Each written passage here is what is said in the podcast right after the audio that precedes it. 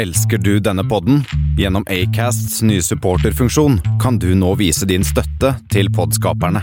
Det er helt opp til deg hvor mye du ønsker å bidra med. Klikk på lenken i podbeskrivelsen for å støtte podkasten. Nice. Yeah. What you're hearing are the sounds of people everywhere putting on Bombas socks, underwear, and t-shirts made from absurdly soft materials that feel like plush clouds. Yeah, that plush. And the best part? For every item you purchase, Bombas donates another to someone facing homelessness. Bombas. Big comfort for everyone. Go to bombas.com slash ACAST and use code ACAST for 20% off your first purchase. That's bombas.com slash ACAST. Code ACAST. Normally, being a little extra can be a bit much, but when it comes to healthcare, it pays to be extra. And United Healthcare makes it easy with Health Protector Guard fixed indemnity insurance plans. Underwritten by Golden Rule Insurance Company, they supplement your primary plan, helping you manage out of pocket costs without the usual requirements and restrictions like deductibles and enrollment periods. So when it comes to covering your medical bills, you can feel good about being a little extra. Visit uh1.com to find the Health Protector Guard plan for you. Let's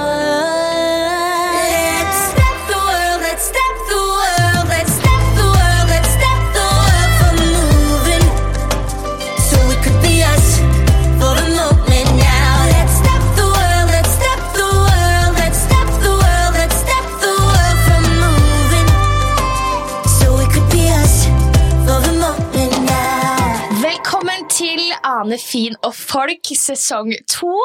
I dag har jeg besøk av Jenny Langlo, tidligere artist og låtskriver. Hun vant Idol i 2011.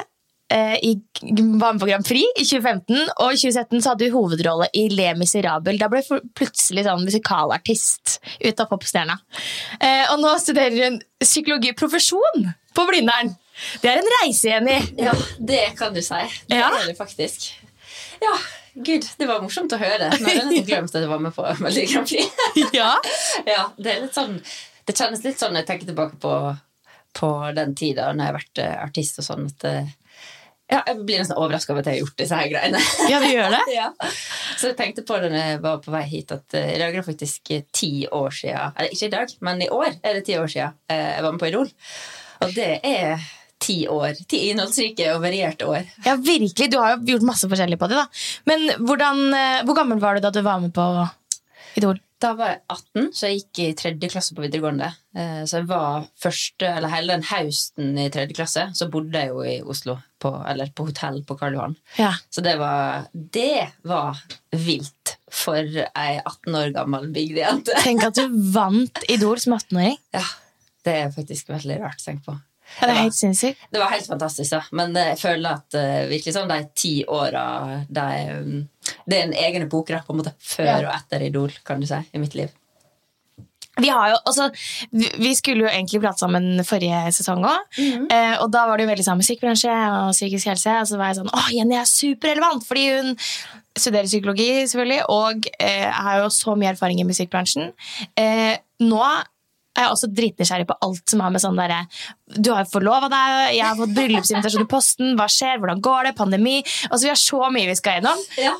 Jeg er så nysgjerrig på hvordan det går. Man har ikke sett folk og snakka med folk på så lang tid. Nei, det er en veldig rar tid, det kan vi jo bare si. Nå er det, vi skal ikke bare snakke om pandemi, da, men herregud, det påvirker mye av livet nå. Ja. Ja, eh, akkurat nå føler jeg jeg har på en måte kommet opp av en liten sånn koronadrump, egentlig.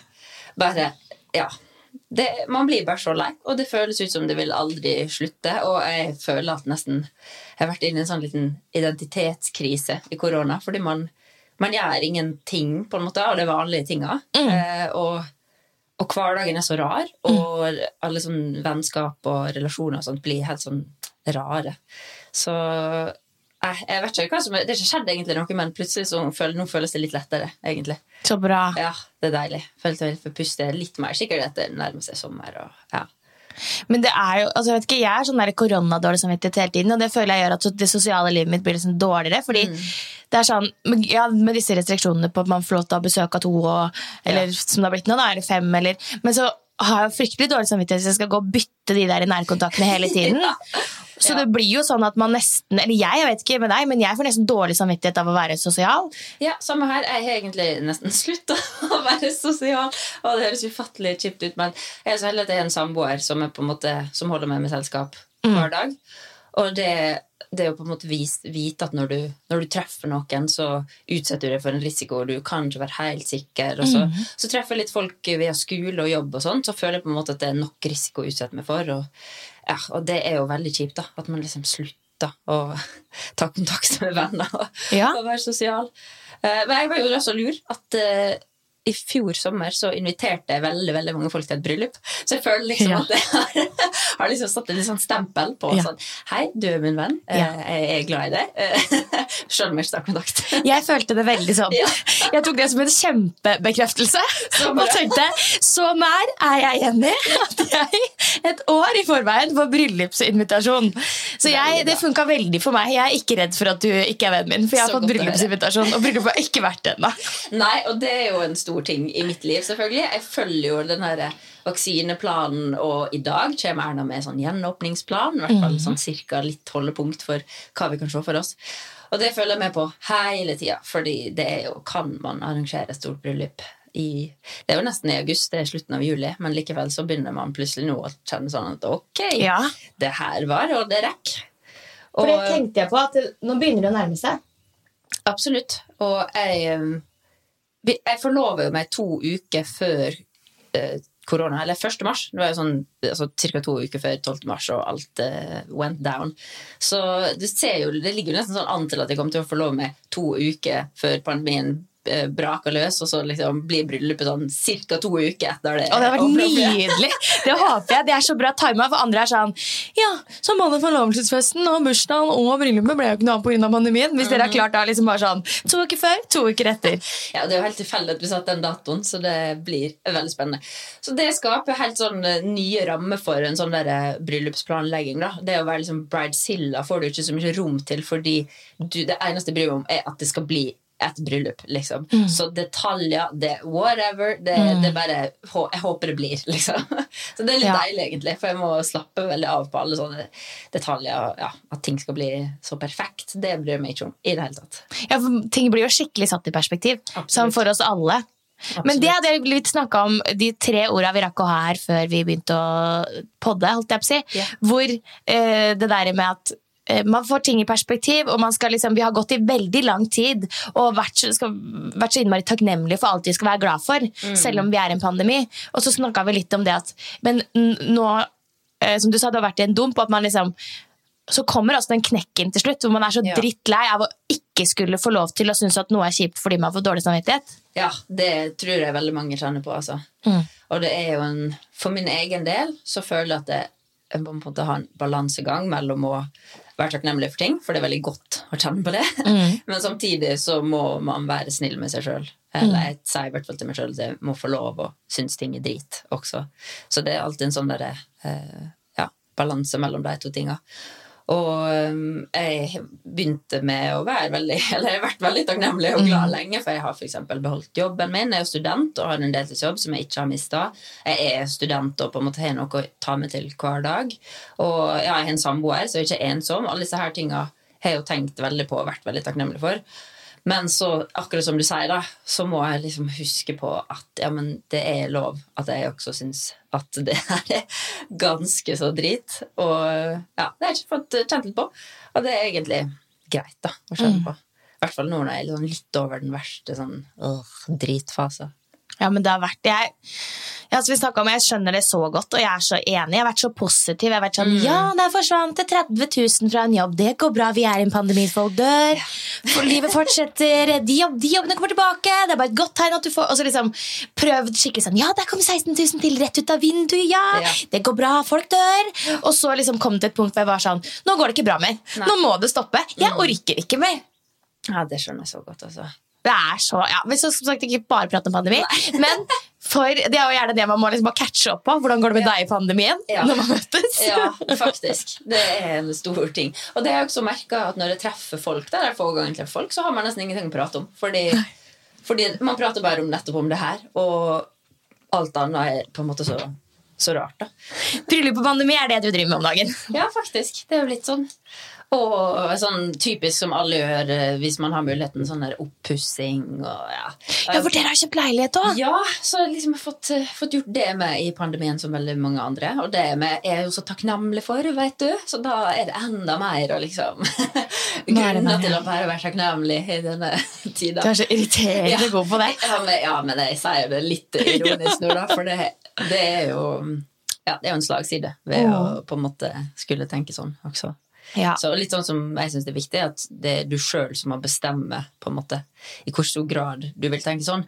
Eh, at ikke på en måte andre bare skal komme og fortelle ja, men du må være takknemlig for det og det. og det. Så syns jeg på en måte at det er jeg som må sjøl kjenne at jeg, ok, men jeg har lyst til å være takknemlig for det her. liksom. Ja. For hvis ikke så ja, Man trenger at folk lytter når man har behov for å være lei seg og være frustrert. og ja. Jeg er så enig. Det er så Ja. stor forskjell på det å sitte Ja. selv og bare Jeg er takknemlig for Altså våkne opp og være Mm. sånn Be grateful every day. Eh, enn at noen skal si sånn Men nå må du huske at du Mm. egentlig er ganske heldig. ja. Da blir jeg sånn Ja, jeg For da får man til og med liksom den dårlige samvittigheten av at man Altså nei, det Ja.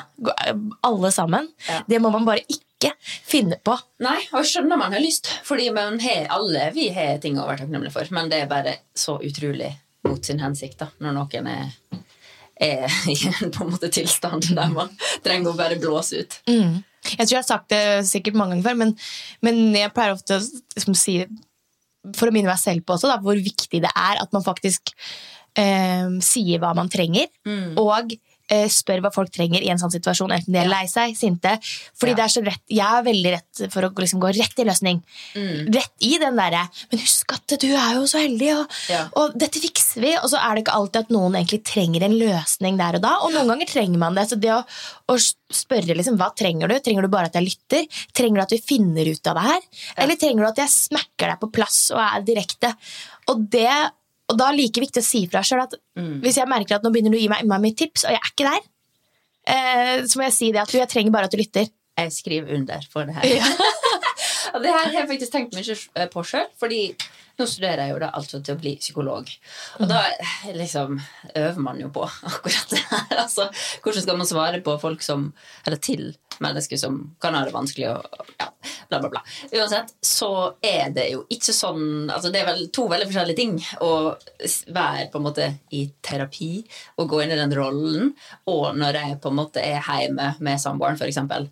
Og, og i den daglige tralten, da. Jeg måtte ha brukt litt tid på å liksom, finne hvordan skal jeg klare å overføre det her, for jeg kjenner at jeg sjøl også er litt sånn løsning og ja, ja, ja, men liksom den der, Ja, men altså, nå er det jo Altså, du må jo bare gjøre det sånn her.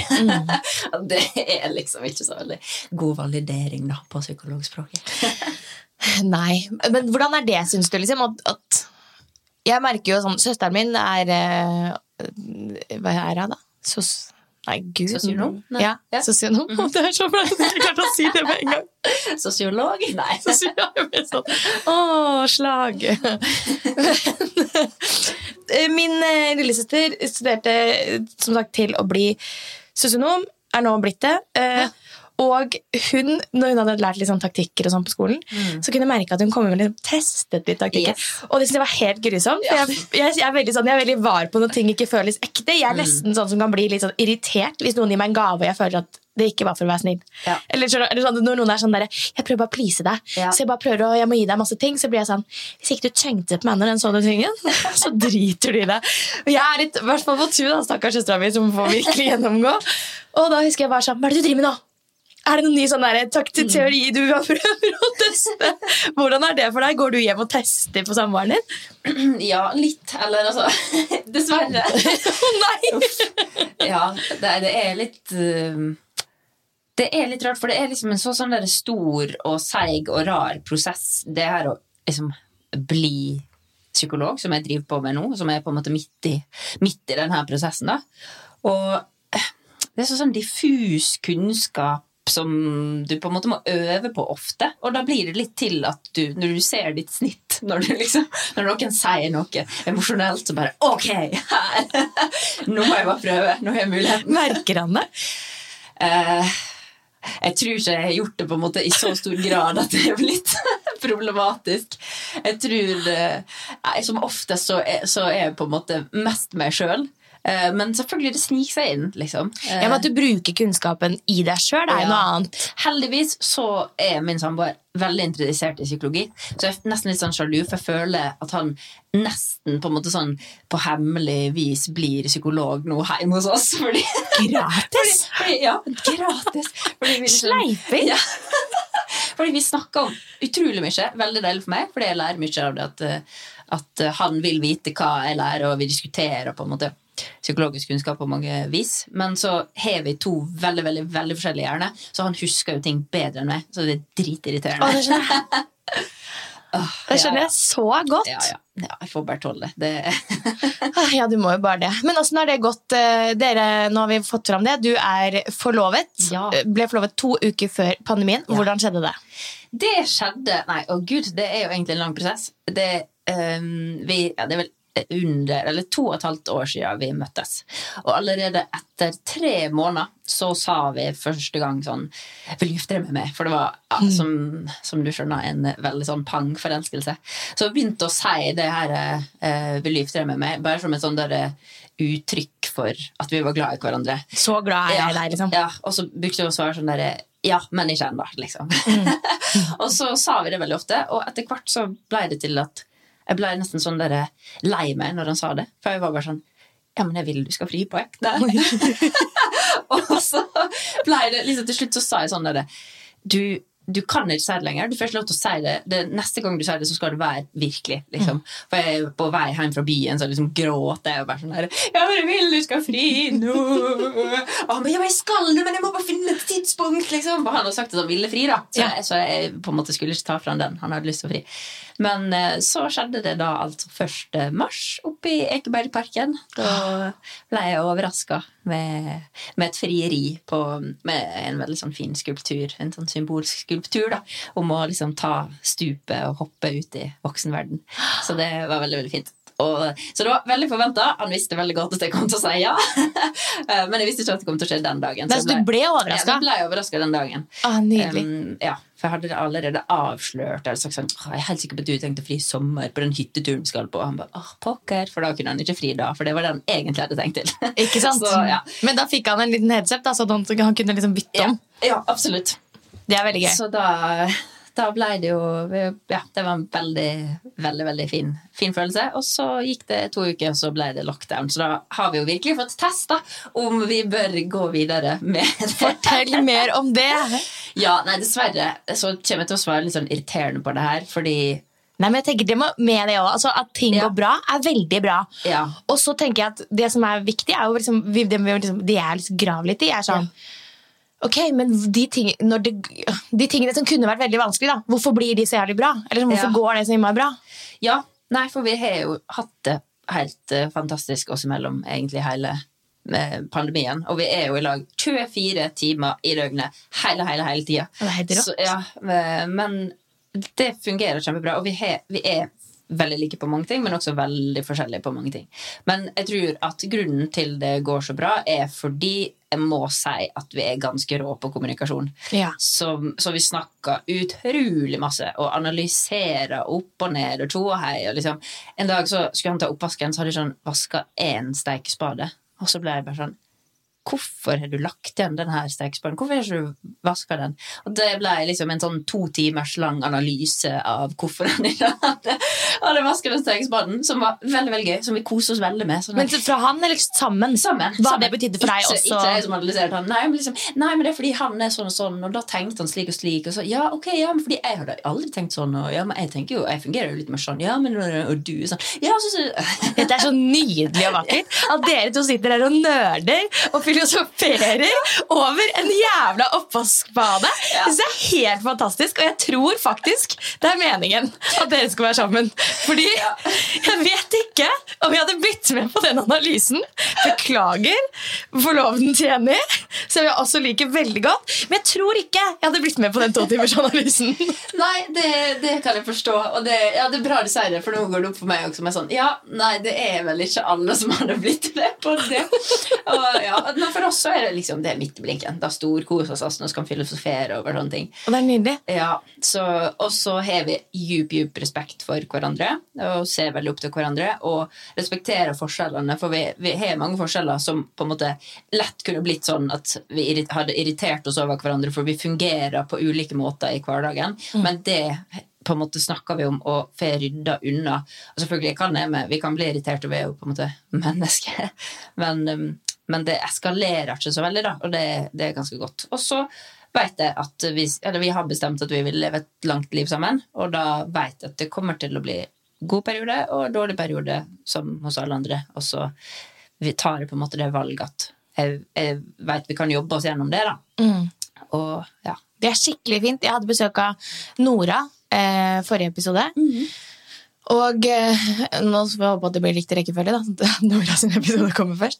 Men da sa hun en ting som jeg dessverre ikke fikk med på episoden, og det var at kjæresten hennes hadde sagt at eh, gresset er grønnest der du vanner det. ja. Så fint. Og det er så fint sagt, og det er liksom noe med det at Ja. med å velge, det kjenner jeg på også, det der med å velge eh, og bestemme seg for eh, Vi har ikke hatt det så rosenrødt, jeg og kjæresten min, i eh, pandemien. Eh, det er jo at vi kommuniserer veldig mye, ikke veldig godt. Eller vi gjør det òg, vi har vært veldig gode på det i veldig lang tid. Og så er vi jo mennesker, vi også, det går liksom litt opp og ned. I, her eskalerer, og så eskalerer det veldig fort veldig på grunn av meg. Fordi jeg blir så, jeg har så temperament inni. Ja. Jeg visste ikke at jeg hadde så mye temperament. Jeg blir så sinna. Ja, det er vanskelig å stoppe når det på en måte først begynner å sette i gang. da. Ja, og så Ja. føler jeg at jeg har et hav av triggere Ja. jeg ikke visste om. Som er også bare sikkert nye triggere. Ja. Så det der med Jeg husker jeg reflekterte litt over det og var sånn ja, det er jo kommunikasjon, men vi kommuniserer jo masse. Ja. Vi snakker om alt, og vi snakker om ingenting. Det er liksom ikke noe sånn der at ting går og er stille, og Nei. ingen snakker sammen. Det er det veldig lite av. Men så var jeg sånn hm, vi kommuniserer veldig mye, men ikke alltid like godt. Det er kjempeinteressant. synes jeg. At du sier. Er ikke det, det er litt rart. At Ja, man, ja. For jeg var sånn, ja, men vi snakker jo om alt, og vi får Mm. det fram på bordet. og sånn og sånn og sånn. Så det er jo faktisk, ja, det er jo viktig det at den kommunikasjonen da, at dere kan sitte og filosofere sånn istedenfor at jeg tror sånn som på vår del, altså, det vi er dårlige på, at vi fort går i en sånn derre em, både, beskytt, både liksom angrep og forsvar på en gang, som Ja. sikkert er veldig vanlig. Ja, det tror jeg med. Men hvor det blir litt sånn der, ja, men hvis jeg sier sånn, ja, nå har jeg gjort det, ja, men jeg gjør også ting. Eller sånn, så er vi liksom i gang, da, så handler det bare om å vinne diskusjonen til slutt. Ja.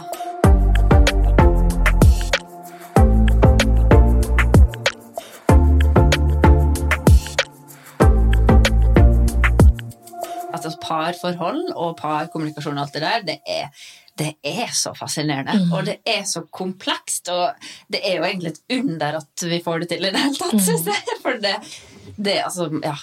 Det, Men da kommer det der med å bestemme seg. ja. Og den der gresset er grønnere der du vanner det, liksom. Fordi det er noe med at man skal ikke velge man skal ikke velge å være ulykkelig, man skal ikke være sammen med en partner som, som ikke gjør deg godt. Og noen ganger, men noen ganger så tror jeg ikke man vil gjøre hverandre godt hele tida.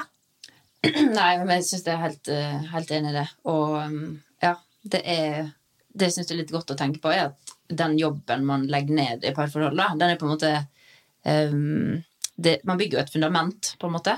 Sånn Ja. at uh, det vil jo kanskje bli lettere hvis man på en måte kommer seg gjennom en, eller over en kneik.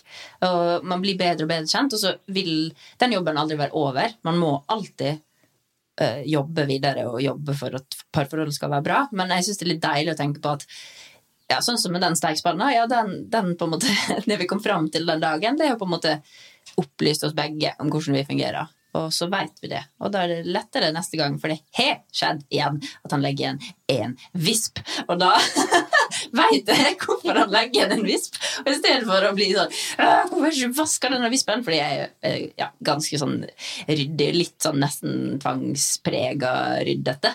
Eh, Så der har vi sant, en sånn klassisk ting som kunne blitt veldig vanskelig, men som til nå har gått bra, og som jeg veit jeg kommer til å irritere meg i livet. Men jeg må bare velge at jeg må prøve å forstå og på en måte leve med det, fordi Ja, heller en stekespade enn så mye annet. Det tror jeg liksom vi må huske på. Ja, Jeg kan bli så sint på småting. Sånn, eh. Jeg er veldig sånn på hvordan jeg blir snakket til, eksempel. Så hvis jeg opplever noe litt krast, eller litt sånn Mm. Ja. Gud, nedlatende. Der fyrer jeg også. Ja. en gang. Virkelig. Og, og så er man jo forskjellig. Og så tror jeg at noen eh, har, vi har forskjellig kommunikasjonsform. Ja. Og um, tar ikke det like alvorlig som jeg gjør det. Men jeg, er, Mm. altså, jeg går rett i krenk. liksom. Uff, ja, det gjør egentlig jeg også. Så jeg er veldig glad for at, jeg, at min samboer er, er veldig sjeldent eh, krass, for da gir jeg meg opp. Jeg Ja. blåser meg opp som et sånt der dyr som bare Hva var det? Hvorfor snakker du til meg på den måten? Ja, rett i den. Det, men det høres ut som at, at det der møter Anna veldig fint. Da, for når du egentlig kanskje er litt irritert, er litt sånn Hvorfor har du lagt igjen den ene stekespaden? At I stedet for at Hanna Nei, skal jeg bare igjen, Fordi den går igjen! Så, Ja. så er Hanna sånn Ja, det er litt interessant. Det skal vi finne ut av. Og da blir jo du møtt med noe som ikke For da kunne du sikkert blitt med litt på den samme ballen som jeg ofte kommer i. At det, da hadde man bare Absolutt. Og så prøver jeg også å kjenne at det er det som skjer i meg sjøl. Så bare sånn, ok, nå ble jeg litt irritert over det her. Ok, greit. Og så på en måte prøve å roe meg ned og ikke liksom gå med den følelsen. da. For det er så, det er så lett å liksom bare flyte på den bølga av irritasjon. Så jeg prøver liksom å bare legge merke til at det skjer, og så roe meg litt ned. Og så ta det derfra, egentlig. Ja. At det er fint, ass. Men ellers, da, sånn, dere er jo eh, man, Det blir jo en, del, en stor del av liksom seg selv som individ å si at man er i et, et vi. Men eh, du har gjort så Jeg var veldig spent på det her da vi, vi har kjent hverandre i noen år. Vi ble kjent eh, da vi drev med direktesalg av helsekostprodukter. Blir du flau? Ja, det er jo bare helt sånn fascinerende. Har jeg virkelig gjort det? Ja. Og det var, det, det var veldig gøy. Vi var veldig Ja. motivert. Det varte ikke så lenge da. Og nå tenker jeg å jøye meg, hva i alle dager tenkte jeg at skulle jeg liksom bli sånn helsekostguru. Ja, det, det er jeg med deg. Ja. Jeg også synes det er veldig fascinerende. Jeg synes det er veldig, vi hadde aldri blitt venner, da, Nei. og det er jo en fin ting med det. Det synes jeg er veldig fint. Miljøet det, og sånn utenfra når jeg ser andre som driver med det i dag, så det er jo en ting som jeg oppfatter som veldig bra. da. Ja. Med eh, at det er et veldig godt miljø. Og der møtte vi hverandre, ble venner. Eh, var ikke så lenge i helsekostbransjen. Eh, men da var du eh, fri og frank. Eh, litt sånn som kjendis ja. og popstjerne. Ja, gud. Det er per, altså, Fra mitt ståsted i dag så er det nesten helt sånn absurd å tenke på. Men så er det på en måte ikke så mange år siden heller. For jeg eh, bruker å si at jeg på en måte pensjonerte meg eller la opp i, i 2018. Da Da gjorde jeg liksom min siste musikal. Eh, og så valgte jeg å fokusere fullt på studier etter det. Ja, for du, en, du, du visste det, skulle snakke snakka om hele veien fra vi Ja. møttes, at eh, en dag Ja, så skal jeg begynne å studere psykologiprofesjon. Ja, jeg, du har vel kanskje en litt sånn omvendt eh, fase. For jeg begynte jo å jobbe fullt med musikk etter videregående. For jeg var så heldig at jeg på en måte fikk den muligheten. Selvfølgelig ville jeg det. Det var jo kjempegøy. Og det rulla og gikk veldig bra i mange år. Jeg synes det er helt fascinerende å tenke på. Men så hadde jeg vel kanskje en sånn derre visshet inni meg. Det var noe inni meg som sa at det er nok ikke det her du skal gjøre. Um, og at jeg hadde lyst til å Hvis jeg først ville studere noe, og etter hvert så ble det veldig sånn spesifikt at jeg visste at jeg hadde lyst til å bli psykolog. Um, så da Da var det litt sånn der et stort steg å velge bort musikken etter å ha hatt det som jobb i så mange år. Så hadde jeg heldigvis en litt sånn fin overgangsfase der jeg begynte å studere mens jeg spilte Eleven Rabel, sånn, eller begynte før, eh, sånn at jeg gjorde begge deler samtidig. Veldig intenst. Var det bare fin overgangsfase? ja, det var faktisk veldig fin overgangsfase. Ja, det men, men det var jo Altså, jeg var på Lesalen på dagtid og på Folketeatret og spilte på kveldstid, så det var jo det jeg gjorde det året, for å si Det det er så sånn. rått. Du er altså så arbeidsjern. Eller arbeids... Jeg er veldig dårlig på orduttrykk. Jeg må si det med en gang. Jeg sier åtte feil. Så jeg føler meg sånn Arbeidsjern, jeg tror det, jeg tror det Arbeidsjern. Ja. Ja. Du er, ja, for det var musikken der, og så husker jeg du kom fortalte bare 'Jeg har fått rolle i en musikal'. Eller du fikk vel først i en litt mindre, og så kom Le Mis. Jeg, to, jeg hadde to roller først. Eller først spilte jeg faktisk Kurt Cobain i en musikaloppsetning i Drammen. var første. Det var første. Det var helt rått. Ble spurt bare på mail. Kontakta. Hei, har du lyst til å portrettere Kurt Cobains liv i en musikal? For meg som er en sånn rockejente, så var det helt fantastisk. Og det var en fantastisk bra oppsetning av det også. Så det er ja, veldig gode minner derfra. Så det ble min sånn inngang i musikalverden. Og så fikk jeg en rolle i Rant rett etterpå. Der jeg spilte Mimi.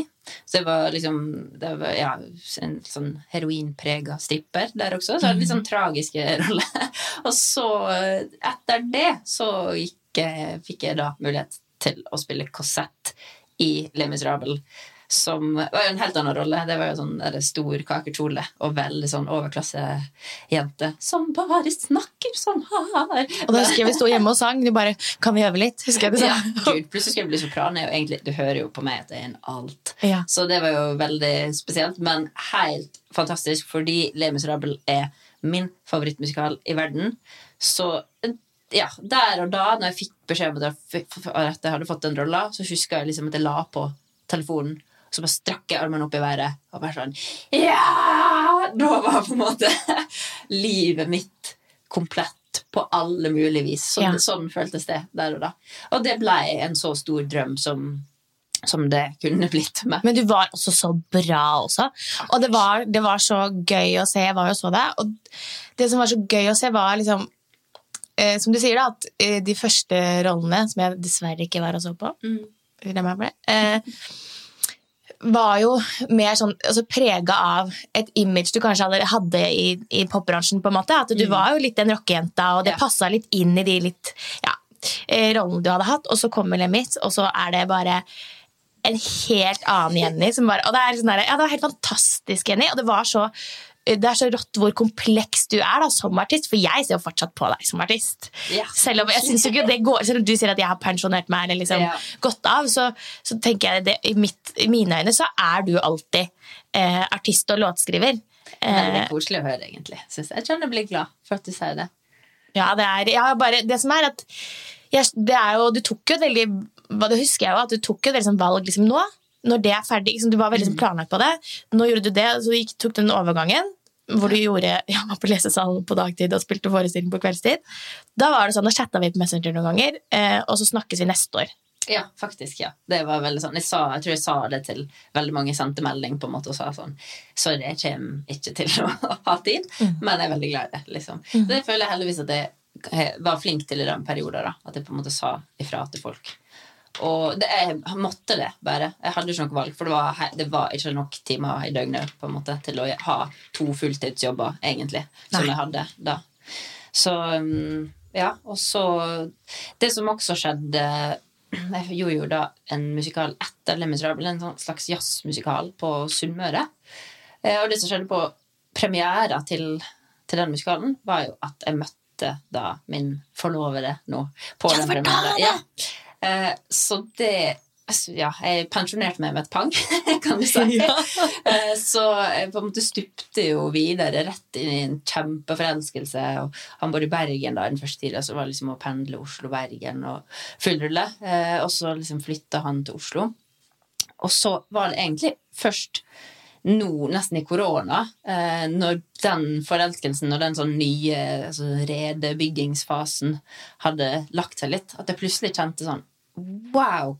Nå, nå er ikke jeg artist lenger, på en måte. Og ble, jeg fikk en skikkelig sånn tomhetsfølelse, og egentlig litt sånn der identitetskrise. Fordi det å være artist er så utrolig sånn tett knytta til din egen identitet. Du, du er produktet du selger, du, jobben din er å på en måte forvalte deg sjøl og dine emosjoner og, det, og hvordan du ser ut og hva du sier. Og, ja, det er veldig sånn mye fokus på identitet og image og sånn. Eh, og plutselig så bare forsto jeg på en måte ikke helt eh, hvem er jeg nå, egentlig. Og det var det var en interessant ting å ta inn over seg. Jeg følte meg veldig sånn lost. Jeg ble på, på, det, på det nivået at jeg ikke liksom, visste hva jeg skulle kle på meg engang. For jeg skjønte på en måte ikke helt hvem jeg var. Og det Jeg tror det er litt sånn eh, Da hadde jeg trodd at jeg hadde funnet meg sjøl, sånn i tidlig 20-åra, når jeg var artist. og bare sånn, å ja, finne meg sjøl-fasen. Og så er jo det litt sånn voksenlivet er, at plutselig så skjønner man at eh, ja, men det å finne seg sjøl, det er en kontinuerlig prosess. Det, for det stopper aldri. Og nye ting skjer, og det blir nye faser, og plutselig blir du lost, og plutselig finner du tilbake, og det liksom Det går og går, det. Så jeg måtte vel bare liksom innse at, eh, ok, ja, men da må jeg på en måte bare finne meg sjøl litt på nytt. Og det føler jeg kanskje at jeg har begynt på nå, da. Eh, Men jeg er litt midt i det, egentlig. Der jeg prøver å liksom integrere både litt den jeg var før, eh, hvor, hvilke deler vil jeg på en måte ta med meg videre. Hva var liksom image, og hva var egentlig identitet? Som, altså, hva var på en måte artisten, og hva er faktisk meg? Um, ja, og så er jeg jo også da samtidig en sånn derre prøve å bli psykologprosess, som også er veldig sjølransakende og ganske sånn For det også blir jo en identitet eller det, Jeg vet ikke om den kan sammenlignes, men Da jeg jobba som leder i så mange år, så var jo det på en måte, da måtte jeg passe inn i den rollen. Ja. Sånn er det jo litt også Ja. som psykolog. At du skal jo ha på et punkt pasienter, eh, og man må være liksom bevisst på hvem man Ja, så det er på en måte parallelt de to prosessene med å liksom ikke være artist lenger og bli psykolog, og så prøve å liksom finne eh, meg sjøl inni det her sammensuriumet. Um, ja, det sånn. Jeg husker jeg sa det på et tidspunkt. Bare sånn, Åh, jeg bare så lei av å liksom føle på ikke-mestring på alle arenaer. Fordi jeg på en måte jeg har klart meg fint, men jeg har følt veldig på at jeg gjør ting jeg ikke kan, og ting jeg ikke mestrer uh, på veldig mange arenaer. Men um, det begynner å gå over. Jeg begynner å føle for litt mestring og litt sånn trygghet i, i ny fase. Og um, Men hva er det som Jeg bare tenker, jeg må liksom bare understreke det at Mm. Nå har du jo sagt jo at vi er alltid i utvikling. Det å finne seg sjøl er liksom en kontinuerlig prosess. Ja. Eh, og det vil si at uansett hva du tenker akkurat nå, og sier akkurat nå, så kan det endre seg senere. Så det er ikke Yep. skrevet i sten. Men jeg lurer på, der du er i refleksjonen nå, Ja. hvilke ting er det du har tenkt at du liksom vil ha hente inn mer, liksom som vil sørge for at det er en større del av deg i videre i livet som var med som artisten, da? Der det er noe i livet, så er jeg på en måte fortsatt student. Um, og så har jeg jo på en måte vevd livet mitt sammen med en annen og skal gifte meg og sånn. Det er en sånn veldig voksen greie. Men jeg er fortsatt, jeg er fortsatt ikke helt der at jeg trenger ikke på en måte å være eh, konemor helt ennå, selv om jeg skal gifte meg. på en måte. Jeg har funnet ut at eh, akkurat nå vil jeg være litt sånn ung og fri og frank. Og si, leve livet litt, smake litt på livet fortsatt. Eh, eh, ikke bli for seriøs helt ennå. Fordi det ble veldig sånn at det eneste jeg tenkte på, var liksom studiene og, og det å være hjemme og bygge rede. på en måte. Og Ja. det tror jeg ble litt sånn tungt akkurat der det er nå. Og så har jeg kjent at ok, jeg har sannsynligvis lyst på en familie, men det ligger litt lenger fram i tid. Det er ikke akkurat nå. Eh, fått på en måte plassert litt sånne der ønsker eh, utover i tid. Hvor er jeg akkurat nå? Hva er noe som ligger foran meg? Eh, og det for eksempel bare at, eh, at eh, Ja, hvordan vi vil kle meg. Det er veldig sånn banal ting, men, men um, det å kjenne, bruke litt tid på å føle at det liksom ser ut på utsida sånn som altså, Noe som på en måte gir meg litt glede i hverdagen. Da. Det, det merka jeg faktisk var viktig idet jeg på en måte slutta å fokusere på det. Og nesten sånn så meg sjøl i speilet og bare sånn Hvem er den personen her? Så det er veldig sånn rart, fordi jeg, jeg syns på en måte at utseendet er en veldig sånn overfladisk ting som absolutt ikke er det viktigste her i verden, men det er viktig til en viss grad, og det har ganske mye å si for hvordan man føler seg. Da. Og da er det viktigste at man kanskje gjør ting for seg sjøl, sånn at man føler seg bra. Da. Det er jo det er den der typiske greia, egentlig. Ja, fordi jeg tenker Jeg tenker mye på det samme sjøl.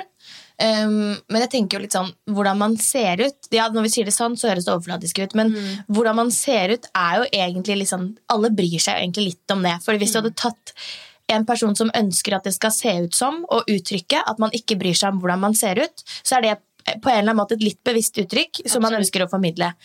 Og eh, hvis du da skulle kledd opp det mennesket i noe som hadde gjort at det mennesket så ut som det brydde seg veldig, så ville det føltes helt feil. Ja. Eh, Så uansett hvordan For når du mener eh, at du Eller når du sier det, jeg skal ikke si når du mener. Når du sier at du, eh, det hjelper deg å være litt bevisst i hva du, du, hva du tar på deg, liksom, og hvordan du ser ut, så betyr jo ikke det at du Du er jo ikke glam-dronning av den Nei, grunn. Det handler jo bare om at det skal på en måte matche deg, uavhengig av hvor pynta eller ikke pynta eller overfladisk eller ikke overfladisk det ser ut. Så handler det bare om at man er bevisst i uttrykket sitt. da. Ja, det er akkurat det det handler om. At jeg plutselig begynte å jobbe i liksom, helsevesenet, og der var det veldig sånn Én helsevesenstil, kan man si.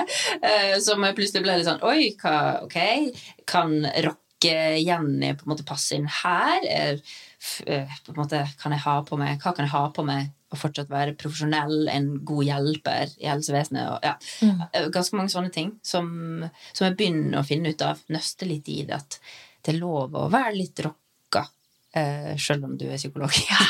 Og det er så viktig. Jeg har tenkt skikkelig mye på de tingene her. Ja. Uh, selv om du sier, vi har hatt liksom motsatt reise, så kommer sikkert mange av de samme issuesene av det. Fordi jeg var sånn, Da jeg jobba som leder, så var jeg veldig sånn Jeg hadde min eget, mitt eget preg og mitt eget uttrykk, sånn, men jeg ble jo sånn klesstilmessig og hvordan jeg så ut, mye mer sånn profesjonell. Altså Jeg hadde på meg liksom eh, bluser og skjorter og høye hæler. Liksom, det var min måte å embrace den profesjonelle delen på. At jeg hadde på meg hæler og skinnjakke. liksom. Eh, Så jeg fant min stil i det, men, men da jeg var liksom ferdig med det, jeg tok det aktive valget om at nå er jeg ferdig med det, jeg skal ikke være leder, jeg trenger ikke, altså jeg skal være et forbilde for på en helt annen måte. eh, Og jeg skal være et forbilde ved at jeg er 100% meg sjøl, og jeg gleder meg til den dagen jeg kunne gå på jobb i joggedress. Og så kommer den dagen, Ja. og så blir jeg sånn Hva tar jeg på meg? For nå er det bare bluser og eh, høye hæler. Og jeg vil ha på meg sneakers og joggedress, men nå har jeg gått i den joggedressen i tre uker. Altså, jeg skjønner ikke hvem jeg er. Og så ble jeg helt sånn der Ok, men hvem er artisten Anne? Altså, det var veldig mer motsatt. da, Hvem er artisten Anne? Nå som jeg kan være som jeg vil. Hva, noen ganger er det nesten fint med litt rammer. At noen har kommet med noen rammer du må bevege deg innenfor. Og så ble jeg sånn, i tillegg til det med at jeg hadde blitt eldre Jeg har blitt 30 år. Ja. Jeg har begynt med rynkekrem i dag, forresten. Gratulerer. Det føles veldig godt. Men, og det blir en sånn, og jeg også i et forhold. Ja. eh, Og liksom, vi driver og etablerer, etablerer, etablerer. Og jeg blir sånn Hvem er jeg? jeg er, og så har jeg kommet fram til Jeg kommer aldri til å bli sånn voksen som det kanskje forventes fra noen. Og jeg bare Uansett, jeg kommer sikkert til å være 60 og komme i en tracksuit og Ja. sneakers, og det står jeg i. Så sjukt interessant og sjukt kult at du kommer til den, Ja. konklusjonen. Oh, kjempebra. Vi er helt sånn glad for dine vegne. For du har liksom i det her sånn kaoset så har du på en måte fått en krok å hekte deg på. Så, ja, men Ja. det vet jeg. Jeg, må, jeg vet i hvert fall nå, og det kan endre seg, men nå føler jeg og vet og tror det. Liksom. Ja, og da er forsvinner litt det der jaget av Ja. at liksom, man må se voksen ut. Og så, kjæresten min kan noen ganger si til meg sånn Du trenger ikke se ut som du er 20. Du er 30. Så jeg sånn, men jeg vil. Og når jeg er 40, så vil jeg se ut som jeg er 30. Og jeg, og liksom sånn, jeg gikk og tok tatoveringer, jeg var 29. Altså, hadde, det er liksom min sånn Snart 30 år, identitetskrise. Jeg går og tar tatoveringer. Herregud, i går tok jeg kontakt med tatoverer, for jeg skal ta nye tatoveringer. Nydelig! Jeg føler det er et tegn. Ja, sånn, og nå, jeg, jeg må ta de tatoveringene for å føle meg som meg sjøl akkurat nå. Akkurat. Ja, og jeg bare, Det må jeg. Jeg har tenkt på det lenge, men nå må jeg bare fordi identitet. Jeg må bare kjenne meg som Ja. Jeg vet ikke, Det er kjempemorsomt. Og jeg kjenner meg så igjen i alt det du sier. Selv om liksom, noen ting er liksom forskjellig, så er det så like prosesser.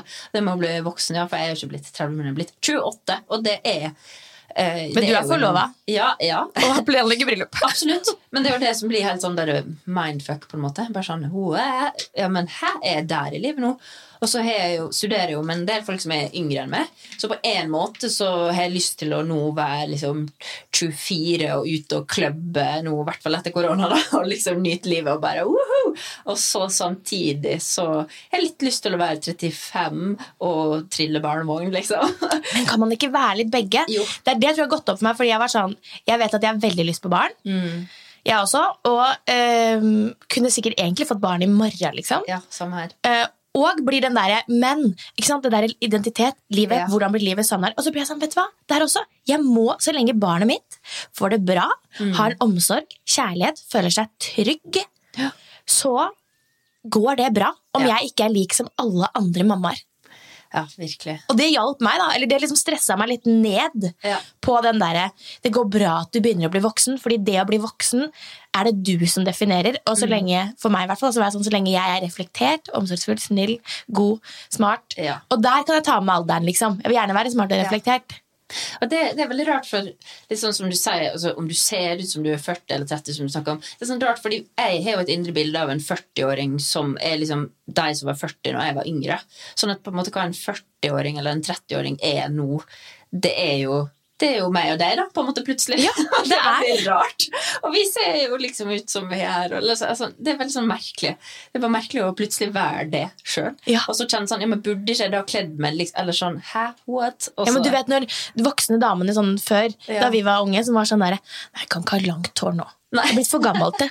Nei, ja. Det kommer du aldri til å høre meg si. Nei, det tror jeg faktisk på. Jeg tar det på ordet når det. Det er, det er rart også. Så det er veldig mange sånne der ting som, som jeg Og så har man så god tid i korona vet du, til å tenke på sånne der ting. Ja, så går det til et liv Mm. uten at man rekker. Jeg ser rynkene kommer, og livet står stille. Og Ja. det er så friserende. Veldig. Så det Jeg tror en god del ting blir litt lettere å stå i egentlig når, når livet på en måte åpner litt opp igjen. Eller man føler at ikke man er i en sånn ventefase. Vi har liksom vært et år i en sånn ventefase og tenkt og tenkt og tenkt, og, bare, og så går året og tida. Og ja, Det er ikke bra å tenke så mye, vet du. Nei, det tror ikke jeg det. Jeg føler jeg har fått tenkt for masse. Men samtidig så er det også litt bra. Jeg har kommet fram til en del viktige eh, liksom, erkjennelser, egentlig. mm. Når det gjelder sånne der ting med identitet og det å bli eldre og ja. For det var egentlig det jeg ville underbygge, da, selv om det plutselig ble bare jeg som skulle fortelle masse om meg selv, så var det det jeg ville underbygge at, som du sier da, den, den du er i, den jobben du har i dag, mm. den psykologen du skal bli og være, eh, og den eh, forloveden eller eh, kona eller mammaen, eller, og så i stedet for at disse tingene um, Altså at man skal liksom unngå de fordi man ikke vet hvem man er, eller føler seg ikke klar til å bli den passe inn i den firkanten, så tenker jeg for din del at bare, jeg tror vi må hype hverandre litt på det. At ja, men vær, det er bare deg som er deg som den psykologen. Altså, du Ja. er bare deg. Eh, og tørre å implementere Jeg hadde jo egentlig litt håpet at du skulle si sånn Nei, jeg bestemmer meg for å begynne å skrive litt musikk igjen, for jeg hadde dratt deg inn i det studioet. ASAP. Jeg savner musikken, hadde jeg håpet du skulle si. oh, ja. Men det med er rart, det har jeg tenkt masse på. For jeg gjør det på en måte, og på en måte ikke.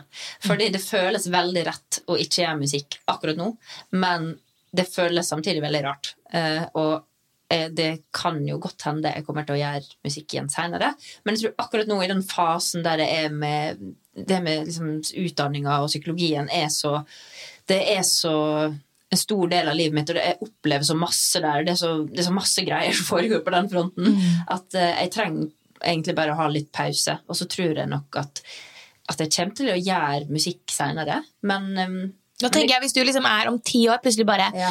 har lyst til å gå og ta en tur i studio liksom, Det kan ja, du jo. Det er, det er det så deilig. Selv om det er psykolog og mor og kone. Ja, det er kjempedeilig. Og i tillegg i, i deltidsjobben min som er i rusomsorgen, så har jeg hatt en del uh, musikkundervisning der. Du? Og det er det gøyeste jeg har gjort omtrent. Så kult! Og det er helt sånn lavterskel. Jeg er jo ikke liksom, pedagog, og sånn, men, men det går kjempebra. Jeg har liksom lært folk å spille piano fra scratch, og folk har blitt mye bedre enn meg å spille piano. Så kult! Det er utrolig gøy. Og da kjenner jeg bare sånn Shit, det er med meg. Det, det sitter, på en måte. All den kunnskapen som jeg har brukt så mange år på å liksom opparbeide meg, den har ikke forsvunnet. Selv om jeg er litt rusten sangteknisk og sånne ting, så er det en så stor del eh, av meg. Og så jeg har jeg jo vært veldig lur, da, som har fått med meg en mann som er kunstner og musiker. Ja. Så jeg har heldigvis masse kreative greier tett innpå i livet mitt.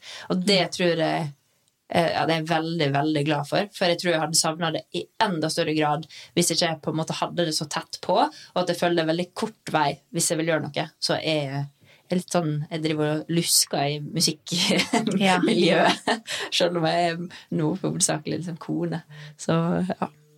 Men ja, det er rart det der. Og det er rart det der med identitet, som du sier. Det er så innmari flytende og Mm, og så føler jeg litt at eh, At typisk at jeg har hatt sånn Kanskje man tror at når du er 28, så er du helt sånn trygg på deg sjøl. Det, er- det er rart, det med å bare kjenne at eh, shit, sjøl selv om man blir trygg på mange arenaer, så er det fortsatt bare så mange ting som, som for alltid kommer til å være nye og rare. Og 'oi, nå er du her i livet', 'oi, nå er det sånn og sånn', og Mm. 'wow, hvordan er jeg?' Når jeg, jeg kommer til å tenke det samme når jeg er 40, sikkert. Ja, man gjør det. Men så er det fint, for det er ikke noe mm, problem, på en måte. Jeg, noe, jeg syns det er deilig å bli eldre, for eksempel. Mm. Jeg syns bare det er fint. Men det er rart. Og det setter i gang mange følelser og tanker, egentlig. Mm. Det gjør det. Ja. I dag si noe. I dag så står jeg på, da jeg skulle hit, så står jeg, og så har jeg sånn derre tun, eller sånn silke, hva heter det, kimono. Ja. Som jeg driver og styrer hjemme. ikke sant? Står og føder håret i den kimonoen, og så står jeg liksom krøller håret litt. Og så sier jeg til meg sjøl i speilet, for det gjør jeg ofte, snakker litt høyt i speilet, sier jeg sånn Herregud, med den der eh, kimono-opplegget ditt og det krøllene ser ut som du er 30 år. Og så stopper jeg litt og bare Men du er 30 år! Og det er så rart hvordan liksom sånn Jeg kan fortsatt si sånn, herregud, jeg er 30. Og så er det sånn For det er akkurat som jeg henger ikke med. Altså Jeg håper som sagt at jeg blir At ikke folk oppfatter meg som umoden, på en måte. Nei, det, det tror jeg. ikke. Jeg gjør det heller ikke. Men, men det er jo samme for meg. Det. Jeg, bare, ja, jeg forstår ikke helt uh, det at jeg er snart 30, da, i hvert fall. Åh, det er så gøy. Og det er ikke det når andre er 30. Så blir jeg sånn, tenker ikke det er ikke så gammelt. Nei, ja, ja, det er helt enig. Men når jeg var liten og skutt, Da, da jeg var liten må jeg huske det, så, og skulle tegne opp sånn Hva er du når du er 30 år? Ja. Så var det sånn Yes, da tegner man alle barna, Ja. huset, Ja, alle disse forskjellige tingene. Og jeg skulle få barna da jeg var 25, ja. Så det jeg ligger bak skjemaet. Hvordan går det? Nei, det, er den, det, blir utsatt en liten stund, tror jeg. Men, men samtidig så er det fint, for eksempel, så har jeg aldri kjent veldig sterkt på at jeg har lyst til å få barn. Det er sånn som jeg ikke har vært sikker på om jeg vil ha en gang. Og nå er jeg bare så uten tvil, for det har vokst fram et skikkelig stort ønske. Og Ja. det er så fint å kjenne på at eh, Oi, nå er jeg der, og gud, nå, nå ønsker jeg det, da. Ja. Eh, Det, det er fint. Og så er det jo det. På en måte det. Man kan få det, og ja, det er en lang prosess, men, um, men det er veldig fint å kjenne på det, syns jeg. Og da føler jeg meg litt voksen, og så syns jeg det er litt kult. ja, men jeg blir sånn der da, Nå har jeg begynt å glede meg veldig over det, at, det, at jeg skal få lov til å være sånn som mamma, sånn som jeg vil. Ja, Ikke sant? At ikke noen andre kan bestemme det. At den dagen så ikke det blir sånn der, alle som ønsker seg barn på den. Men, men det er så digg å tenke på bare sånn Ja, men det er jo ikke noe altså Jeg har på en måte kommet til det punktet hvor jeg er trygg på at jeg vet at jeg kommer til å kunne være en god forelder. Ja. Såpass voksen er jeg, liksom. Ja. Mm. Hvis man skal kunne kalle det voksen. Og så liksom jeg tilegner meg kunnskap om livet, og har, er trygg nok i meg sjøl, selv om jeg har identitetskrise. Ja.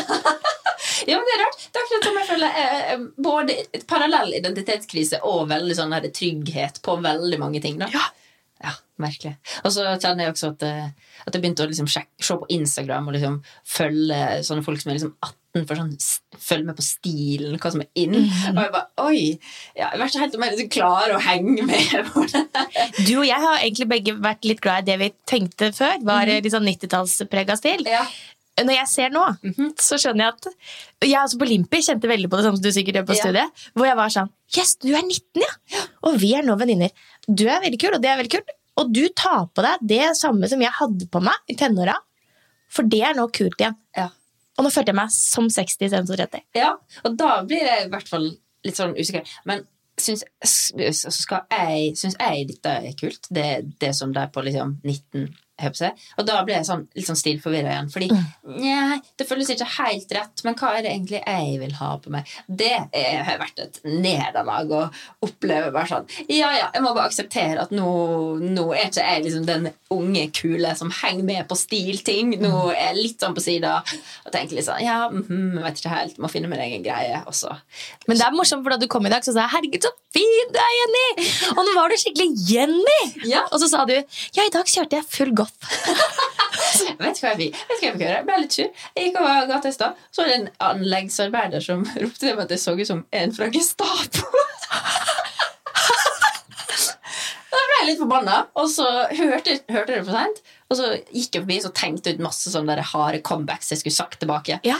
Men jeg gjorde ikke det, da. Men det går bra. Og jeg lever med at jeg så ut som jeg er fra Gestapo. Men i alle er det Hvorfor kommer man og roper sånn på gata? Det er det som var mitt comeback også. Jeg skulle si, Hva er det eh, du må kompensere for, siden du trenger å rope det der til andre på gata? Pluss at ja, jeg, jeg tror på en måte at eh, jeg, jeg kledde ikke på meg i dag for å liksom gjøre han fornøyd, så det går greit. Ja, du er jo så trygg i deg selv, men jeg blir bare sånn Hvorfor? Øh. Ja. Jeg blir så irritert. Og jeg trodde jeg hadde hatt en litt sånn tøff opplevelse på vei til dag, for det var en som snakka til meg òg. Men hun sa Jeg sykla, Ja. og så sier en dame Stopper liksom bak meg litt sånn hå- hånlig, følte jeg, da. Og var litt sånn Hva gjør du med den der hvite, fine jakka di hvis det begynner å regne, da? Hæ? Så sier jeg Nei, da blir vel den våt. Det går bra, den tåler vann, den. Det- Ja. ja, den blir ikke bare våt, skjønner du. Den blir veldig, veldig skitten og stygg. Jeg bare Ok, hva liksom Nei, fra dekket ditt. Jeg bare Å ja, det er bakskjermen. på sykkelen du sikter til. Det er den manglende bakskjermen. Ja, det var det hun mente. Så sier jeg sånn, ja. Nei, det var, og, det ble, og da var i hvert fall ikke Gisa på kommentar. Jeg tenkte sånn, fy søren, så unødvendig. Ja, virkelig. Det, det er veldig fascinerende. Og jeg tenker, Hvis jeg på en måte kontakter fremmede på gata, så er det i hvert fall noe hyggelig eller for å hjelpe deg eller for på en måte et eller annet. Men det var det hun tenkte. Hun tenkte nå skal jeg hjelpe hun der. Ja. For hun har ikke bak bakdeksel. Det hun ikke vet, er at ikke pokker om jeg setter meg på en sykkel i regn. det er det jeg skulle sagt.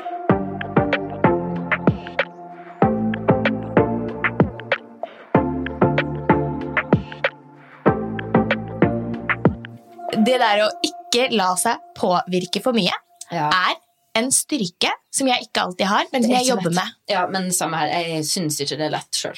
Jeg syns det er kjempevanskelig. Og jeg kan på en måte tenke at jeg er sjølsikker og trygg på meg sjøl, men jeg blir veldig prega av bare sånne kommentarer som det, på en måte. Ja, for da blir det jo, jeg tror bare da blir det sånn Derfor så tror jeg jo at for mange så kan jo dette med veldig mye positive tilbakemeldinger over lang tid også nesten være litt vanskelig. Fordi man blir jo veldig påminnet på at alle ser deg, Ja. og alle mener noe. Ja. Og mange ganger så kan man jo si det at ja, men husk det da, at folk bryr seg mest om seg sjøl. Og veldig mange gjør det. Men når man plutselig får sånne kommentarer, Ja. spesielt de negative, så begynner man å bli sånn overbevist på hva folk egentlig tenker. Ja, det er en ting som er veldig spesielt med det når man er artist. For på en måte en del av jobben er jo å, å tenke over hvordan du presenterer deg sjøl, og fremstiller deg sjøl på en spesiell måte, men samtidig så blir man ganske sånn fritt vilt. Og jeg, jeg tror at for mange som ikke er artist sjøl, så tror jeg det er vanskelig å på en måte forstå hvordan det oppleves å stå i den stormen, at du er et underholdningsprodukt som folk bare kan mene ting om. Um, ja, det er Det er veldig mange knallharde sider ved det å leve av musikk. Det er sånn som jeg må minne meg sjøl på, for nå husker jeg jo så klart bare det fantastiske. For gud, så fantastisk jeg har hatt det som artist og musikalartist. Jeg har fått opplevd så mange gøye ting og møtt så mange fantastiske folk. Og det har vært virkelig eh, ja, en drøm. Men så må jeg minne meg sjøl på at det er grunner til at jeg valgte at det her er ikke for meg. Mm. og de grunnene tror jeg veldig mange eh, ikke ser så tydelig, kanskje. For man ser liksom det, det positive og det gøye. Og mm, nei, det er, det er knalltøft. Så jeg har veldig respekt for alle artister som, som ja, Men det er virkelig det. Veldig, veldig. Og så er det, du har nok kjent på det presset i mye større grad også fordi at du som så ung plutselig fikk en sånn veldig bratt kurve. Og det som er ganske unikt med deg og din karriere, er jo det at du fikk en bratt startkurve, men den ble ganske jevn. Ja. ja, jeg følte at jeg hoppa liksom på trampoline inn i musikkbransjen i stedet for å gå trappa. på en måte. Ja. Og så hadde jeg plutselig et publikum, men jeg hadde ikke egentlig eh, musikken eller en artist. Og musikkbransjen, det her var jo for ti år siden, der også musikkbransjen veldig stor, var en veldig stor endring, og det var sånn kaos på alle fronter. Og, og ja, det presset kjente jeg jo veldig på. Jeg hadde masse folk som hadde stemt på meg og heia på meg gjennom Idol, og plutselig så følte jeg at jeg måtte gi noe tilbake, men jeg visste ikke helt hva, og det var ikke så lett å få hjelp alltid i bransjen, på en måte det er en kaotisk bransje, og jeg var usikker og ung, og ja, det var mange ting hit og dit, og så var det liksom kjipt når du følte at du skuffa folk. da. Folk venta på at du skulle på en måte bli stor stjerne, og så var det både vanskelig og kanskje ikke helt rett for meg, og jeg forsøkte å leve mitt liv så godt jeg klarte, men føler på en måte at du skuffa masse fans. da. Det er en sånn rar, rar side ved det, egentlig. Og mm, Jeg husker da du begynte på musikal, så husker jeg, for da snakket vi litt om Nå er det ikke sikkert du føler det samme i dag, men da husker jeg vi litt om at eh, da var du litt lei den der gå og chase hiten hele tida. At man liksom hele tiden skulle inn i et nytt studio og prøve å skrive den neste hiten og hiten og hiten. og hiten og hiten. Absolutt. Det er jo Ja, det at man, man skaper underholdning, eh, egentlig, først og fremst, ved å skape musikk. Det, hvis du skal gjøre business av det, så må du på en måte tenke litt business også. Og det er jo en av og til en sånn vanskelig blanding mellom lidenskap til musikk og det man elsker, og at man skal prøve å leve av det også, og gjøre karriere. Det er ganske krevende, egentlig. Og um, ja, en ting, jeg kom på en annen ting som jeg synes syntes var litt sånn kjipt i begynnelsen. At jeg fikk jo meg en, en deltidsjobb i en hotellresepsjon. Trivdes veldig veldig godt. Det var veldig mange kule folk som jobber der. Og eh, folk som drev med kreative ting, så det føltes veldig sånn som at jeg var med en, en resepsjon med likesinnede. Men da husker jeg liksom en gjest som sa til meg sånn Jaså, så har du endt opp her, du? Og det Ja, nok et eksempel på sånn Hva i alle dager tenker du med når du sier noe sånt? Eh, Men um, det syntes jeg var dritkjipt, og jeg ble veldig provosert, fordi her følte jeg at på en måte livet mitt gikk ganske bra. Jeg var veldig takknemlig og glad, og det var en kjempefin deltidsjobb å ha ved siden av musikken. Og så liksom får du høre den der, så du endte opp her. Veldig, også veldig frekt mot folk som jobber i resepsjon. Ja, veldig. Så nei, det er en sånn rar ting som, eh, som plutselig bare sånn Oi, her er det noen som som på en måte har en formening om jeg skal, hvordan jeg skal leve og hva jeg skal gjøre. Og det må man bare ja. Men det husker jeg at jeg tenkte over da jeg husker da du fikk den jobben. og, jeg husker, og jeg eh, er jo, tenker jo over ting jeg òg, som alle andre gjør. Og sikkert mer enn jeg burde. Men jeg husker at jeg tenkte sånn sikkert, Det tror jeg tenkte at vi møtte i den direktesalgsklubben også. Så var jeg sånn, fordi jeg visste jo at det var ikke det at det var så krise at du måtte få deg Mikkel som helst jobb. Jeg visste at det var smart, og, eller hvis jeg husker riktig, da, Ja. smart og lurt å ha en reservedeltidsjobb mm. som var fleksibel, Ja. sånn at du kunne kombinere det. Ikke fordi at det, nå gikk det til helvete, og du måtte bare ta det første og beste. Nei, faktisk ikke. Og det var jo derfor jeg ble ekstra provosert over å få en sånn kommentar. Fordi at jeg følte egentlig det gikk veldig bra. Jeg følte at det bare var lur eh, for min egen både psykiske helse og liksom, det var godt å ha en jobb å gå til og ha kollegaer. Var veldig, og det var en liksom passelig stillingsprosent. Så, um, og da tenker jeg også tenker liksom på andre som har vært med på TV-konkurranser og har vært i rampelyset litt. da, Når man da trekker seg tilbake, så bare sånn Oi, skal du få masse drittkommentarer på at du kanskje har valgt, valgt en annerledes vei? Og i hvert fall hvis det er litt uvalgt, da, dersom du egentlig ikke ønsker det, så må det jo være skikkelig skikkelig kjipt. Ja, enda verre enn for Ja. deg som står litt trygt Ja, i det. liksom. jeg har egentlig stått ganske trygt i det, og har også valgt sjøl å eh, på en måte slutte å etterfølge musikk, musikalkarrieren, da. Mm. Um, men da har jeg fått høre sånn Å ja, så du har gitt opp? Så jeg bare Jeg har ikke gitt opp! Jeg har gitt meg. ja, liksom. det er sånn, det, det, men, og der føler jeg at det ligger en sånn der oppfatning blant veldig mange at, at Men det å gjøre musikk er på en måte drømmen uansett, og det er kun altså Hvis du har muligheten, så er det kun det du vil gjøre. Og da tror jeg man undervurderer de knallharde sidene ved, det- ved Ja. å drive med musikk, og at det er veldig mange gode grunner til at folk ønsker å ta en pause, eller ønsker å, å gi seg også. Mm. Du, du må ikke være liksom fanga i, i musikksirkuset. tror du mange er det fordi at, nettopp fordi de er sånn Ja, hva ville folk tenkt, da? Hvis jeg plutselig nå skulle stått i en resepsjon? Ja, jeg syns i hvert fall det er veldig kjipt at, uh, at sikkert mange kjenner på det, da. Um, når man Ja. tydeligvis får sånne kommentarer. Men jeg Eh. tenkte, jeg tenkte jo, jeg husker jeg fikk den, så tenkte, tenkte jeg sånn jeg syns ikke jeg synes det var så kult at det ikke var noe du tenkte over. For det merka jeg jo at det var ikke noe Du var bare dødshappy, du. For den, det var helt supert. Fordi da Du har jo alltid vært veldig flink med økonomi og sånne ting. Og da Mm. eh, tenkte jeg bare sånn «Å, Det er så kult at du ikke tenker over eh, det, da. At, det liksom, at hva noen skulle tenke om det. Mm. Som sikkert er litt teit tenkt av meg òg. Men da blir jeg også ekstra sur for Ja. at noen da kommer og påpeker det. For det syns jeg allerede var en så god egenskap at det, ja, men jeg skal nå bare stå her og gjøre jobben min så godt jeg kan. Ja, for meg var det helt naturlig, egentlig. Jeg var en, altså, i starten av 20-åra og levde på, av musikk på full tid rett før det, og så tenkte jeg at liksom nå er det helt passende og fornuftig og lurt av meg å ha, skaffe meg en deltidsjobb, sånn at jeg slipper å stresse over det økonomiske i tillegg. Sant? Så det var jo, for meg var det det mest fornuftige og passende i verden. Men uh, For det som er med musikken, bare sånn for å forklare det, er det at det kommer gjerne penger i bolker. ikke sant? Og så uh, er det ikke alltid man vet når det kommer inn nye penger. Og det kan komme inn mye penger på- en bolk.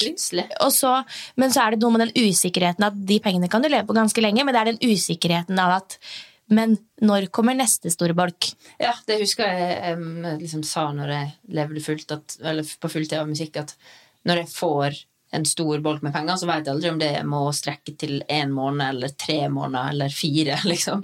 Så, så det er en stor del uh, som man må takle, som, som man takler ulikt. Jeg vet at det er ganske avhengig, eller jeg trives veldig godt med litt kontroll og struktur på en del ting, sånn at det å leve av musikk i, i en annen tid, eller tidligere i livet mitt, har vært veldig gøy, men at jeg nå har mer behov for kunne slappe litt, litt mer av, da. Eh, og så ja, er det jo veldig mange som på en måte syns at det går fint å leve med, men det jeg tror det er I mitt inntrykk så er det en ganske stor eh, del som preger veldig mange som, som lever av kreative yrker. da. At det er alltid noe man bruker veldig masse tid på å få til å gå rundt.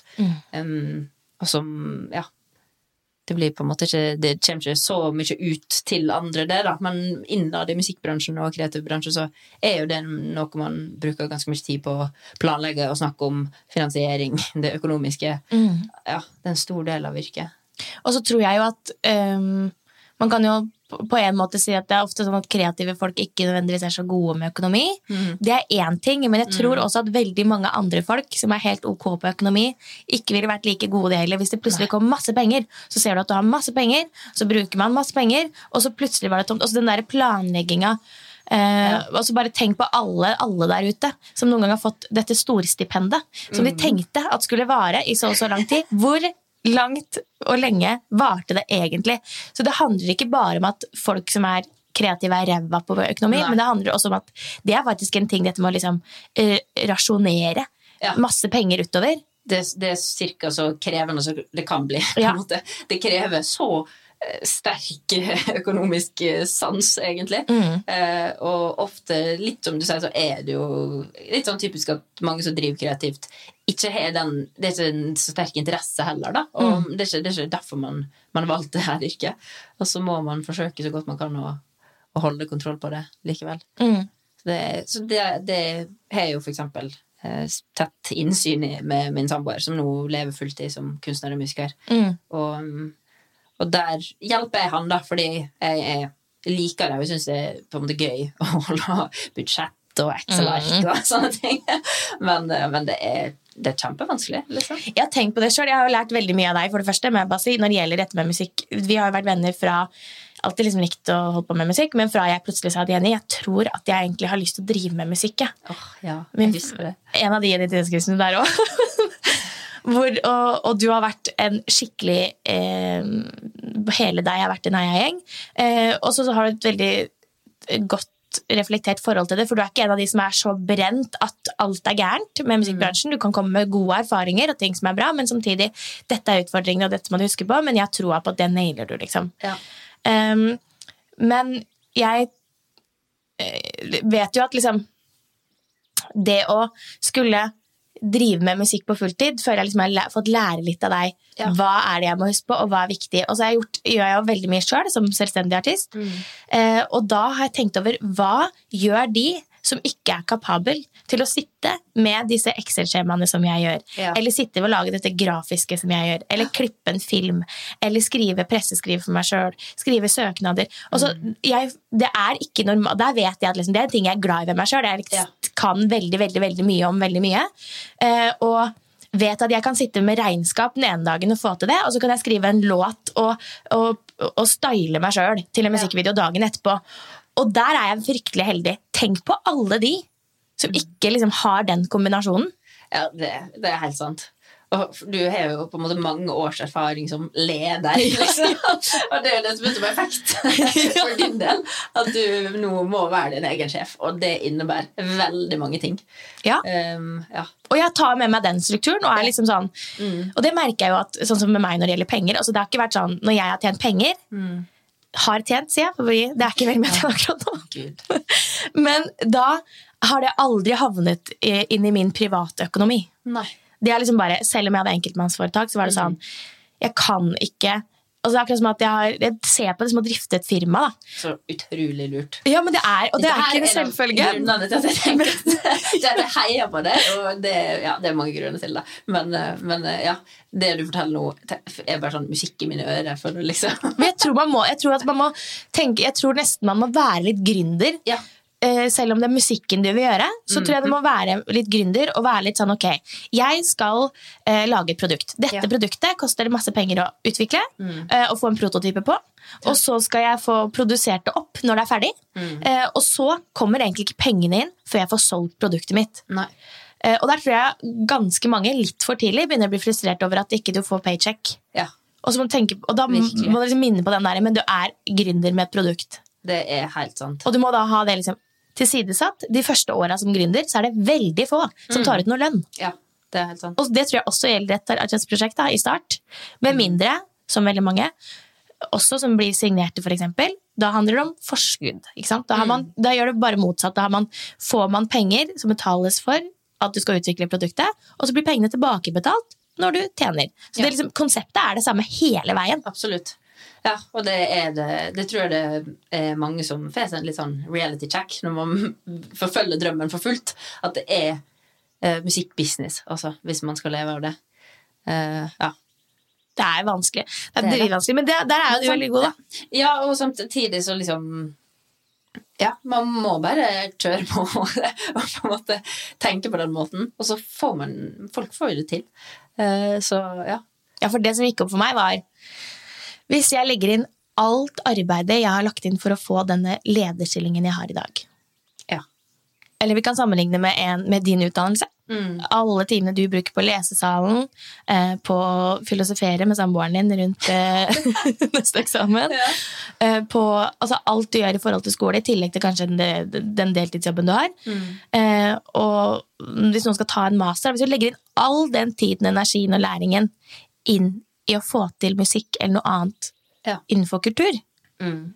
så virker det plutselig ikke så veldig umulig allikevel. Nei, det er egentlig ganske morsomt at du sier akkurat det. For det var det, det liksom dilemmaet som jeg ga meg sjøl.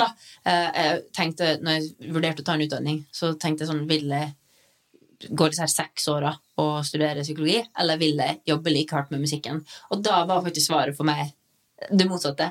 Men så jeg synes det er så fint å høre at du på en måte har gitt deg sjøl det samme spørsmålet, så på en måte kjent at ja, men det er det andre du vil velge. Ja. Og det syns jeg er så kult og bra. Men da er det også veldig riktig, det viser jo at det er veldig riktig for deg. Du har jo reflektert godt liksom, over Ja. de valgene du Det samme har du. Ja, det har jeg. Det er veldig viktig. Det er sånne spørsmål man må liksom lytte til magefølelsen på. Um, og der er jeg veldig fornøyd med, med det jeg har valgt nå.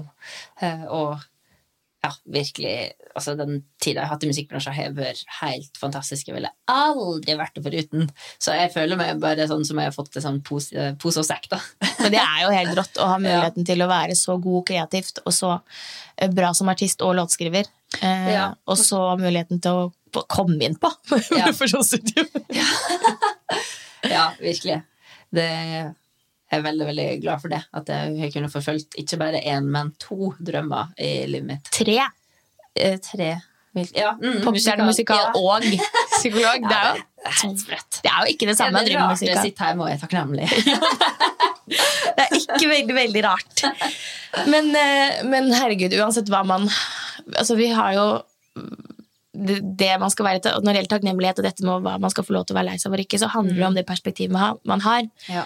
Um, og du er jo heldigvis, da, for deg, eh, veldig, og for meg, veldig reflektert. Og det er veldig godt også at uansett hva jeg kommer med, som er trist eller vanskelig, så har du alltid 100% forståelse for det, og sammenligner på ingen måte med noe annet eller noen andre. Og det er, veldig, det er en veldig god egenskap, syns jeg, da. Så godt å høre at du syns det. Ja, det syns jeg. Koselig. Der er du god! Yeah! Yeah! Så bra. Ja, nå uh, tenker jeg at vi skal begynne å runde av, Jenny. Uh, men takk for at du deler, og takk for at du er med. Uh, takk for at du er du. Og jeg har kost meg skikkelig. Og så håper jeg du fortsetter å jobbe deg gjennom identitetskrisa. Og gå med kapper, om du vil. ja. Du er flott i det. Takk. Tusen takk. Tusen takk for at jeg fikk komme i dag. Det har vært veldig, veldig koselig.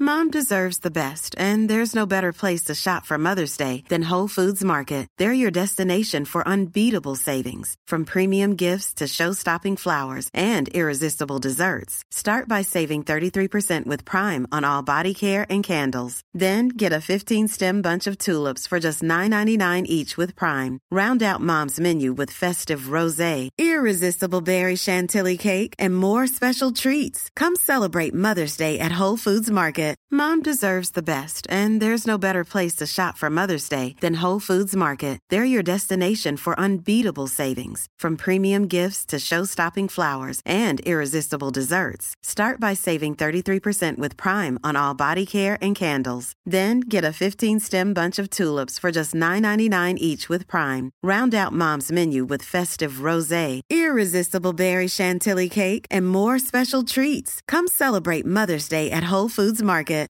Cool fact a crocodile can't stick out its tongue. Also, you can get health insurance for a month or just under a year in some states. United Healthcare short term insurance plans, underwritten by Golden Rule Insurance Company, offer flexible, budget friendly coverage for you. Learn more at uh1.com.